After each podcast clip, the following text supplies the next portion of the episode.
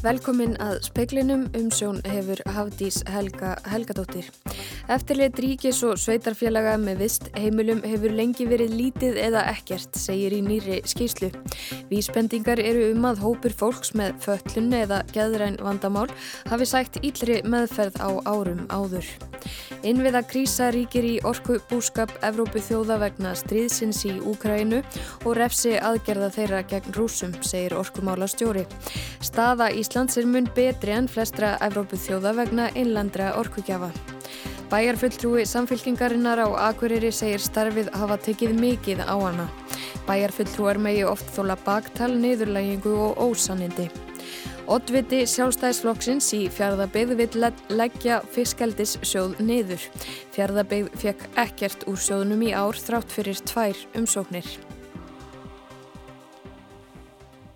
Sterkar vísbendingar eru um að hópur fólks með föllun eða geðræn vandamál hafi sætt ítri meðferð á vistheimilum á árum áður.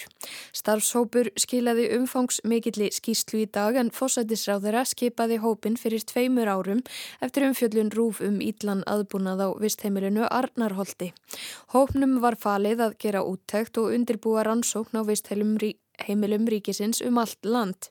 Í skýrslunni segir að það hafi gengið illa að afla upplýsinga frá sveitarfélögunum og þau svör sem bárust mis nákvæm. Þá segir að innra eftirlit sveitarfélaga sem sé ætlað að gegna leikil hlutverki í eftirliti með aðbúnaði og meðferð fullorðins fallas fólks í þessari stöðu sé á mörgum stöðum ekki virt.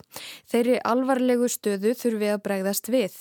Katrín Jakobsdóttir segir ljóst að víða hafi verið pottur brotin og það hafi komið á óvart hversu erfiðlega gekk hjá nefndinni að afla upplýsinga. Það hefur verið ákveðnum erfiðlegum háð þannig að það kemur mér kannski aðeins á óvart en heildan niðurstan er auðvitað svo að það sé full ástæða til að rannsaka betur aðbúnað fullonins uh, fallasfólk bæði með gera skanir og þróskahöfnum. Er það svört skýrsla? Við erum ekki komin á þann stað að það séu slíkar kannski hægt að tala um slíkar niðurstöður en ef ég bara horfi svona á heldar niðurstöðuna þá eru þetta vísbendingar um það að við hefur verið pottur brotin. Starfshópurinn leggur til tvískipta rannsókn á aðbúnaði þessa hóps og meðferð, annars vegar frá 1970 til 2011 og svo frá 2011 til dagsins í dag, eftir að þessir málaflokkar færðust yfir til sveitarfélagana. Nánar á rúf.is. Úkrænska varnarmála ráðuneytið telur ljóst að rúsar ætli sér að ná borginni Severóta Ódónesk með öllum tiltækum ráðum, sama hver fórnar kostnæðurinn verður. Rúsland stjórn fullirti í gerað rúsneski herin hefði náð íbúða hverfum borgarinnar að fullu á sitt vald og þar með nær öllu lúgansk héræði. Úkrænumenn haldi þó enn yðnaðar hverfum Severodonetsk. Sergi Gæta í héraðstjóri sagði aftur á móti að úkrænskir hermenn reyndu ennað verja borgina. Þeir gætu þó þurft að hörfa og leita betri stöðum enda vörpuður úsar sprengjum í gríð og erg allan sólarhingin. Á frettamannafundi sagði Oleksandr Motusjanik, talsmaður varnarmálraðanettis Úkrænum, að orusturnar séu hverki blóðugari en í Severodonetsk. Rúsar beiti öllu sínu aflim og nýti öll tiltæk vopn til þess að ná borginni. Абсолютно зрозуміло, що керівництво Росії вимагає від російських військових таких перемог, тому вони намагаються в будь-який спосіб не дивлячись на втрати, взяти під контроль Сіверодонецьк. Motusjanik sagði ljóst að rúsnesk stjórnvöld gerir kröfu um sigur. Næst sæki rússar að bænum Lísítjansk en þetta eru síðustu tvö víi úkrænumanna í Lugansk-keraði. Að sögn talsmannsins halda varnir úkrænumanna enn í ímsum hverfum Severodonetsk. Þórgnýr Einar Albersson tók saman.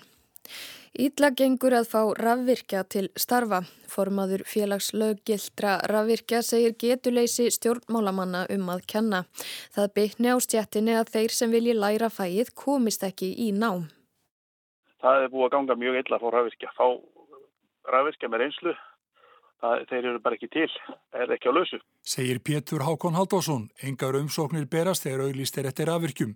Fjölmörgum sem stund að vilja námi í greininni er sinjað um skólavist. Það er húsnæðiskortur er alveg svakalugur, fjármagn er greinilega skorið mikið niður, fylgir ekki þessum yfirlýsingu sem eru nú gætnir á að tala um ráðamærindir okkar. Pétur Hákon sýtur í fagráði tekniskólans. Það var búið að taka ákvörðunum að byggja nýja skóla ákvör skilst og hérna síðan eru komin einhver vandamóli á síðari stöðum hjá. Mér skilst að lóðin sem hefur búin að, eða teltur sér vera búin að fá, hún hefur verið ekki í hendi og þannig að þeir eru aftur held ég á byrjunaritt með það sko. Tekniskólin er fjögur þúsund manna vinnustæður og löngu sprungin. Aðstæðan er bæði léleg og lítill. Svona þetta er ekki góðu staðu til verknámslengur, þetta er bara batsins tíma. Það að þessum nefnundu sér vísa frá, er þetta kannski að bytna á stjettin hjá ykkur? Já, gríðarlega. Vi, við, við finnum það alveg, alveg á okkur, okkar skinni því að við fáum ekki til okkar uh, fullnum að ræðvirkja sem dæmi Ég er búin að býðja núna í næstu í eitt og halvt ára eftir viðtali við mentamálur á þeirra sem var þá. Eh, síðan var eh, skiptur á þeirra og komið nýtt ráðuniti og ég endur nýjaði viðtalsmeirina við hann og hérna, það, því hefur ekkert verið ansagt sko. Veistu af hverju? Ég held að málefni sé bara á viðkvæm, þeir get ekki tekið á þessu, þeir treysta sér ekki í þetta. Er er, er algjör getuleysi stjórnmálamanna sem er þessum ástendir að kenna. Segir Pétur Hákon Halldórsson, Arnar Björnsson talaði við hann. Sjálfstæðismenn í fjörðabegð vilja að fiskaldis sjóður sé lagður niður og segja að svo virðist sem ríkið treysti ekki sveitarfjölugum til að verja ofinberum göldum af fiskaldi á skinsamann hátt. Ragnar Sigursson, oddviti sjálfstæðisflokksins í fjörðabegð, segir að eftir síðustu útlutun blasi við að breyta verði fyrirkomulaginu. Við fáum ekkert útdelt úr fiskaldisjóði, sóttum um í tvö verkefni og fáum ekki krónum. Ég er í rauninu mjög hugsið yfir þessu fyrirkomulagi vegna þess að lagseldis fyrirtækin er að greiða í fiskaldisjóð og laugin um fiskaldisjóð eru þannig að þetta er hugsað til innviða uppbyggingar í þeim byggðarlögum sem eru með lagseldi í sjó. Þá hugsaðum að þetta lítur þá að fara eftir umfangi og fjárðarbyggð er umfangsmest ef þú horfið til burðarþórs eða áhættu mat svo við höfum verið í gríðarleiri innviðu uppbyggingu í tengslum við lagseldu undanföldnum árum en peningarnir renna eitthvað annað í þessa innviðu uppbyggingu. Hvernig viljið þið hafa þetta fyrirkomlag? Fiskaldi sjóður er þið lagður niður. Það sé bara einfallega fundið út sangjörð skipting. Sveitarfélagin fá þá bara rétt hlutfall af umfangi þess fiskaldi sem eru á, á svæðinu. Þannig myndast ákveðin vissa fyrir því hversu mikla tekjur þú ert að fá og ákveðin stöðuleiki í staðis að ríkið í rauninni treystir ekki sveitarfélagunum til þess að fara með þessa fjármunni og við eigum að þurfa að sækja um í, í sjóð. Þetta heitir bara forræðisíkja. Aukveðs kostar nú eitthvað að reka þennan fiskaldisjóð. Sæði Ragnar Sigursson Rúnar Snær Reynisson talaði við hann. Veðurstofan varar við kvassviðri sunnanlands lungan úr morgundeginum, þetta er gul viðvörun og búist er við 10 til 18 metrum á sekundu en mjög snörpum vindkviðum við fjöll sem gætu náð 30 metrum á sekundu. Kvassast verður í öræfum undir eigafjöllum og við reynisfjall. Það gæti því verið varasamt fyrir þá sem er á bílum sem taka á sig mikinn vind eða með aftan í vakna að vera á ferðinni sunnanlands á morgun. Frá því klukkan nýju í fyrramálið og fram eftir degi. Almennar stjórnmála umræður hinn svo kallaði eldúsdagur verða á alþingi í kvöld og að þessu sinni með breyttu sniði. Fórseti alþingis og formenn þingflokka komust að þeirri niðurstöðu að fækka ræðumönnum þannig að tveir þingmenn tala frá hverjum þingflokki en ekki þrýr eins og alltaf hefur verið.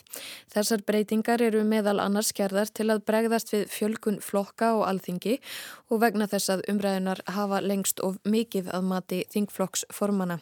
Strax að lokinni umræðunni ræðir Jóhanna Vigdís Hjaltadóttir við þau Efu Heiðu Önnudóttur, profesor í stjórnmálafræði og Guðmund Háldánarsson, profesor í sagfræði um umræðuna þar sem rínt verður í framistöðu flokka og þingmanna.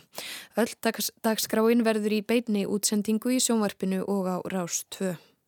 Það eru blikur á lofti í orkubúskap heimsins vegna lofslags hlínunar og stríðsins í Úkrænu. Hallarhund Logadóttir, orkumálastjóri, kom inn á þessi mál á ársfundi orkustofnunar í dag. Speilin settist niður með höllurhund í dag. Stóra máli svona í dag er varðar Evrópu, er leið þeirra að því að verða minna háð eða algjörlega óháð Rúslandi það er risaverkefni sem er framöndan svona í okkar nærumkörfi en það er ekki auðvelt mál. Uh, við erum að tala um uh, að Evrópa þarf að vera bæði óháð rúsum þegar kemur að ólíu og síðan líka gasi. Ólían er einfaldari að því að það er auðveldara fyrir Evrópu að fá ólíu annar stað frá en gasið snýr mikið til að innviðum og uh, rússar eru það stórir, þetta er um, um það beil heilt yfir 40% af, af gasinu sem Afrópu sambandi notar kemur frá Rúslandi þannig að það er ekkit auðvelt að ná því fram að verða óháð rússum til skemmri tíma. En það er hins vegar markmiðið sem að Evrópa-sambandi hefur sett fókus á og miðar að því að ná því fyrir 2030 Hefur trú á að það takist? Þetta er aftur ekki einföld vekkferð en það má segja að hún kannski hveti Evrópusambandið til þess að taka starri skref að því að, að ná loftlasmarkmiðunum.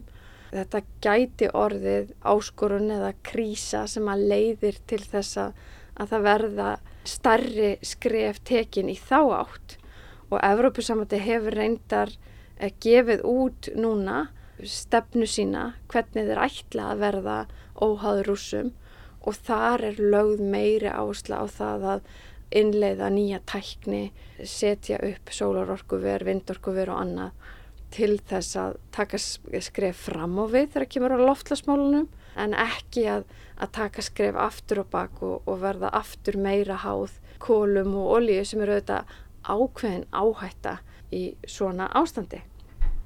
En þú spurðum uh, hvort að þetta sé hægt. Þetta er flókiverkefni og því ég held að það sem að sé kannski það flóknasta við það, svona ef við horfum á skemmri tíman, er hversu mikil innviða krísa þetta er. Það er að segja að það tekur tíma að byggja upp rétta innviði eða nýja innviði meðal annars til að flytja einn gas annar stað frá fyrir löndis og Þískaland til dæmis. Og svo er þetta líka svo grunn orku krísa sem þýðir að, að það er ekki nóg fyrir Evrópu að auka vind og, og sólarorku sem er ekki stöðu orka heldur þarf alltaf að vera þessi stöðu orka á móti til að reyka orkukerfin. Stöðu orka er til dæmis gas, gæti líka verið kól sem við viljum náttúrulega alls ekki.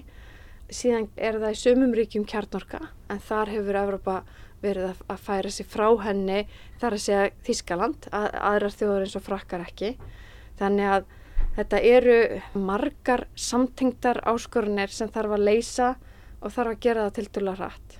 En verðum við ekki að segja að, að krísur fæða oft af sér áhugaverðar niðurstöður og verðum við ekki að vona að þessar niðurstöður verði jákvæðar og góða frétti fyrir manginni þegar við horfum aftur og bakk eh, síðar meir á þennan tímapunkt. En hver er staða rúsa og hver verður hún núna eftir nokkur ár? Rússar hafa í sjálfu sér orðið meira og meira einangraðir í alþjóðakerfinu. Hvað var þar orkumálinn sérstaklega að þá skipta þau gríðarlega miklu máli fyrir Rúsland. Það er þannig að þetta er þeirra stærsti tekjupóstur. Þannig að auðvita hefur það áhrif á þá ef að Evrópa ætlar ekki að stunda sín viðskipti við þá áfram. Hins vegar að þá geta þeir nálgast aðramarkaði og eru í samstarfi við mun fleiri ríki, orku, dans, russa og kynverja sem hefur verið mikið umfjöldu núna, hann er í raun og veru löngu hafinn og hófst á norðurslóðum sem við auðvitað sem ein af norðurslóðu þjóðunum þekkjum vel til. Og gera má ráð fyrir að dans, kynveri og rússa á orkusviðinu að taktur hans aukist á komandi árum og sömu leiðis muni Rúsland halda áfram að efla samstarfi kynverja og aðra aðila. Þannig að þeir munu koma þessari orku í verð en það myndi kannski fela í sér læri tekjur og tímabundin tekjumessi að einhver leiti. En þessi innviðakrísa í Evrópu og staðan í Rúslandi, hvað áhrif hefur þetta hér á landi? Það eru margþætt áhrif sem að svona þróun hefur hér á landi þó að við séum auðvitað í ótrúleiri stöðu. Við erum í ótrúleiri stöðu miða við öll önnur Evrópuríki af því að við erum með megin þorra okkar orku er frá innlendum orkugjöfum. Þannig að við erum þakklátt í dag fyrir þá vekkferð sem að var farin hér áður er varðar húsitun, er varðar raforkuna og annað. Þannig að þegar við erum að horfa á orkuskiptin sem er okkar leikil markmið núna, þá eru við að tala um 15% sem að við um eftir af kökunni til að vera engungu reygin á grætni orku. Þetta hlutfall í Európaríkjum er miklu, miklu harra. En það breytir því ekki, þú spurðir hvaða áhrif þetta hefur. Við höfum séð á mörgum í Európu að verð hafa verið að hækka gríðala mikið út af krísinu, út af ástandinu og það þýðir að eftirspurn eftir grætni orku og eftirspurn eftir orku á stöðu og verla í ekst og við erum svo heppin sem þjóð að búa yfir auðlendum sem að gera það verkum að þær eru eftirsóttar í þessu samengi þannig að orkufyrirtækin hafa verið að finna fyrir aukinni eftirspurn eftir orku. Þetta hefur líka gríðarlega mikil áhrif á áhuga fólks á því að vinna með okkur. Vinna með okkur á sviði nýskupunar, flytja út tækni eins og Carpfix, flytja út í arðhitta-tæknina.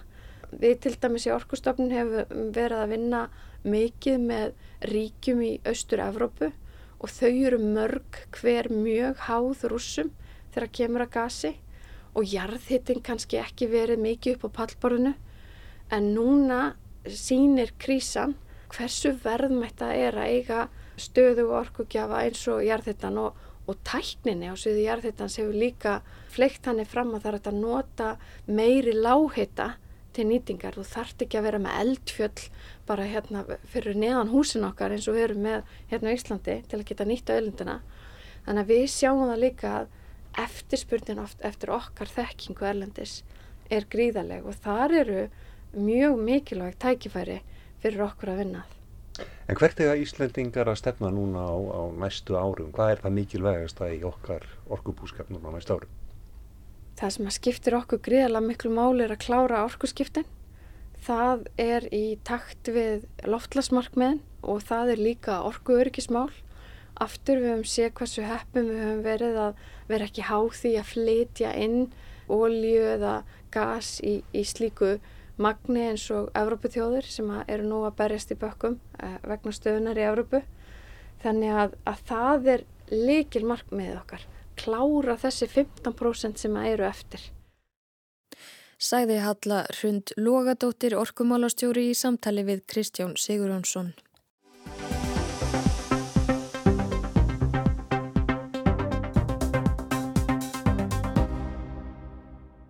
Bæjar fulltrúi samfélkingarinnar á Akureyri segir að kjörnir bæjar fulltrúar megi oft þóla baktal, niðurlægingu og ósanindi. Starfið hafi tekið mikið á að ná fjölskyldu hennar og hún ætla ekki að setja þegjandi og hljóðalaust undir árásum. Samfylkingin hlaut 12% atkvæða og eitt bæjar fulltrúa í nýliðnum sveitasjórnarkostningum. Flokkurinn sem var í meiri hluta allt síðasta kjörtímabil er nú komið í minni hluta eftir að sjálfstæðisflokkur, miðflokkur og ellistein mynduðu nýjan meiri hluta í bæjarstjórn. Hilda Jana Gísladóttir, oddviti samfylkingarinnar, viðukennir að niðurstaða kostningana hafi verið vonbreyði. Nú takir við vinna í minni hluta gegn meiri hluta sem hún tilur að eftir að valda bæjarbúum vonbreyðum. Ef ég á að segja alveg svo er bara alls ekkit vil á það. Uh, hérna, ég óttast að, að sérstaklega um viðkama hópa í samfélaginu að þeir mun ekki fá nægilega miklu aðtekli, ekki síst velferðamálin, málflokku fallasfólks, félagslega leigu íbúðir, uh, ég óttast að umhverjus og lofslagsmálin munu týnast og, og, og svo að það er að fara í svolítið svona skurgruðu ham í skiplasmálum og reyn að því að það er svo mikið kapp lagt á að framkama óbúslega mikið á stuttum tíma að, þá, að það eigi að já, svona sleppa því að fara eftir kannski þeim megin reglum sem að við viljum að þið ofinbæra standi fyrir með takmörku gæði almennings. Og síðan óttast ég það líka að það verði alveg svakalega mikil áhersla á íþróttumál versus önnur mál sem að skipta líka ofsalega miklu máli.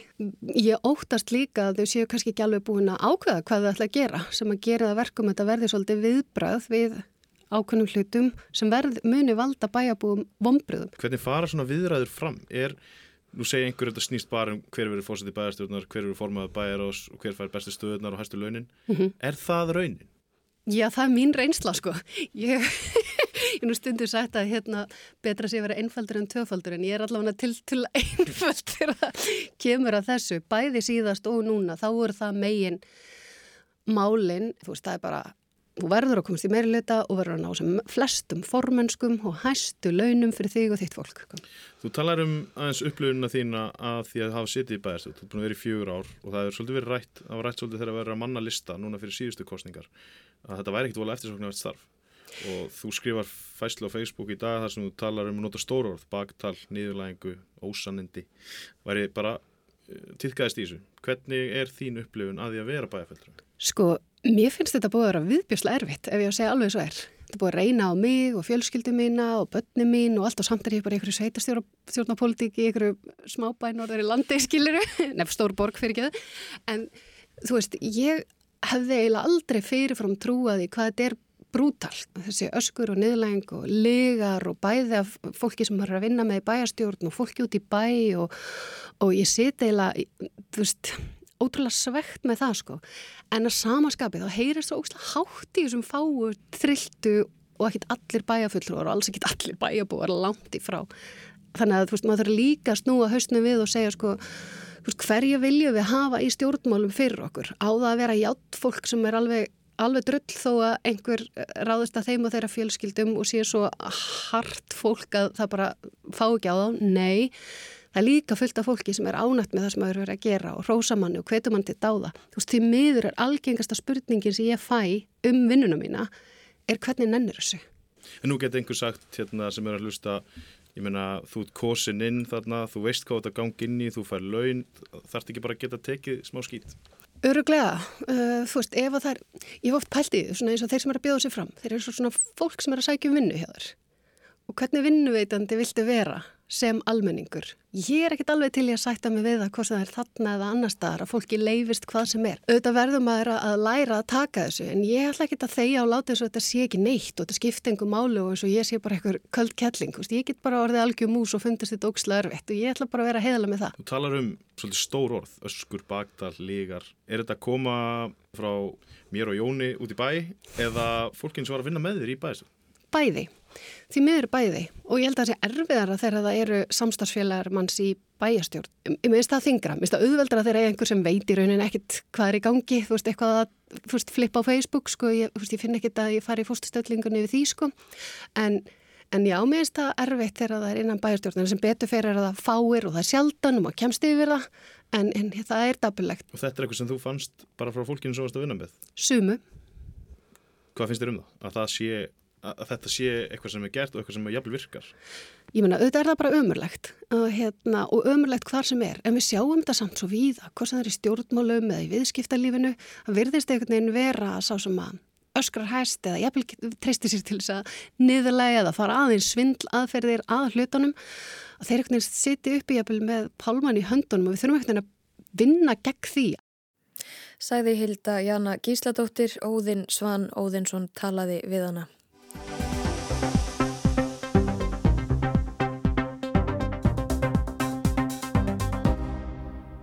Sænska skólakerfið er víti til varnaðar, segir fósætisráð þeirra landsins sem vil banna arðgreislur úr fyrirtækjum sem reyka engaskóla.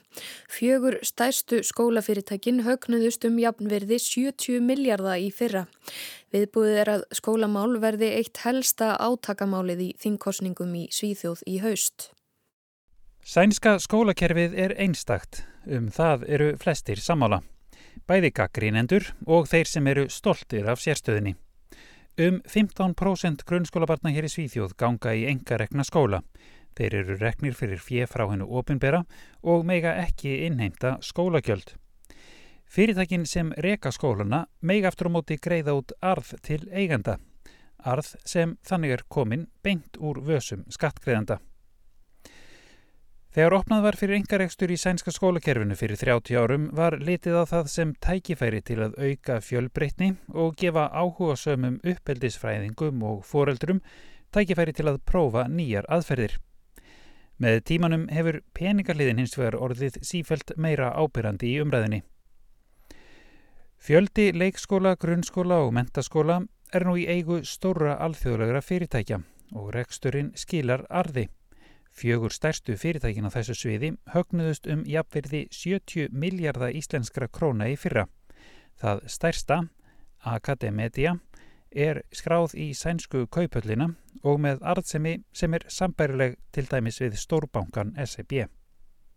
Undanfarin visseri hafa háverjar rattir verið í umræðinni hér í Svíþjóðum að herða þurfi reglur um engarekna skóla, bæði hvað varðar arðgreðslur og það hvernig nefendur eru valdir inn í skólana.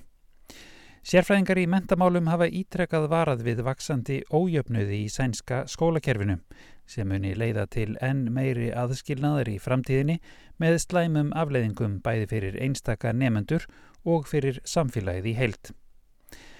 Þá er engarekstri kentum versnandi framistöðu sænskarna nefenda í alþjóðlegum samanburði, báastöðu kennara og fjárskort í mentakerfinu. Meðal annars vegna þess að skólanir reyni markvist að laða að sér þá nefendur sem auðveldast er að kenna og þar með ódýrast. Nefendur sem eiga mentaða foreldra sem eru með sænsku að móðurmáli eru ófatlaðir og ekki með neinar greiningar eða hegðunarvandamál og um leið og þessir nefendur streyma inn í engareknu skólana sem verða einsleitir verður það dýrara fyrir skóla sem hið ofinbyrra rekur að mæta þörfum þeirra sem eftir eru. Skólamál eru víða í óefni, hvort sem það stafar af vaksandi engarekstri eða öðru, svo sem báum kjörum kennara, lélugum kennsluaðferðum eða áherslu á tölvuvæðingu námsins frekar en innihald. Á sama tíma eru mentamál þriðja mikilvægasta kostningamálið hér í Svíþjóð að mati kjósenda og það stittist óðum í kostningar. Átta af hverjum tíu kjósendum vilja takmarka arðgreislur úr fyrirtækjum sem reka skóla eða banna þær alveg. Það er því ekki skrítið að jafnaðarmannaflokkurinn sem nú situr í minnilhutastjórn hafi skorið upp herör gegn arðgreislum úr skólakerfinu. Í næstu viku verða greita atkvæði um frumvarp ríkistjórnarinnar sem hviður áum að engareknir skólar fái lægri fjárframlög á nefenda heldur en skólar sem reknir eru af hennu ofinbera og í þar næstu viku kemur annað frumvarp ríkistjórnarinnar til atkvæðagreislu um afnám byðlista í skólana. Byðlistakerfið er talið íta undir að börn mentaðra velstaðira foreldra komist inn í engareiknu skólana frekar en börn sem búa við báari stöðu félags- og efnahagslega. Bæði þessi frumvörp verða þó feld. Það leikur fyrir að sögn sænskra fjölmiðla. Það er ekki meiri hluti fyrir þessum breytingum á sænska þinginu. Þótt jafnaðmannaflokkurinn sé herskár nú í aðdragandakostningana þá hefur flokkurinn nefnilega líka verið það áður. Kostningarnar nú eru þær þriðju röð þar sem flokkurinn beinir spjótum sínum að gróða starfsemi í velferðarkerfinu og segist vilja banna eigandum engareikina skóla að greiða sér út arð. Þetta hefur þó ekki tekist hingað til. Kostningar far fram í Svíþjóð 11. september. Takist jafnaðmannaflokknum yfir leitt að halda völdum verður það aðeins með stöðningi annara flokka og til þess þarf málamiðlanir.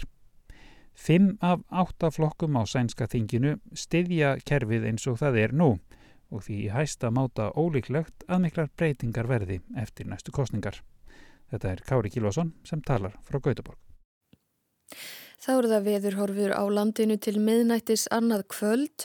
Austan átta til 13 metrar á sekundu siðst annars hægari vindur, skíjað veður og allvíða skúrir en bjart með köplum á austurlandi og sumstæðar þoka við norður og austurströndina. Vaksandi austleg átt á morgun, skíjað en úrkomu lítið, hiti viða 10 til 17 stig fyrir að regna siðst annað kvöld. Og veðurstofan varar við kvassveðri sunnanlands lungan úr morgundeginum. Það er gul viðvörun og búist við 10 til 18 metrum á sekundu en mjög snörpum vindkviðum við fjöll sem gætu náð 30 metrum á sekundu. Kvassast verður í öræfum undir eigafjöllum og við reynisfjall. Það gæti því verið varasamt fyrir þá sem eru á bílum sem taka á sig mikinn vind eða með aftan í vagna að vera á ferðinni sunnalands á morgun frá því klukka nýju í fyrramálið og fram eftir degi. Fleira er ekki í speiklinum í kvöld. Tæknimaður í útsendingu var Magnús Þorstein Magnússon. Veriðið sæl.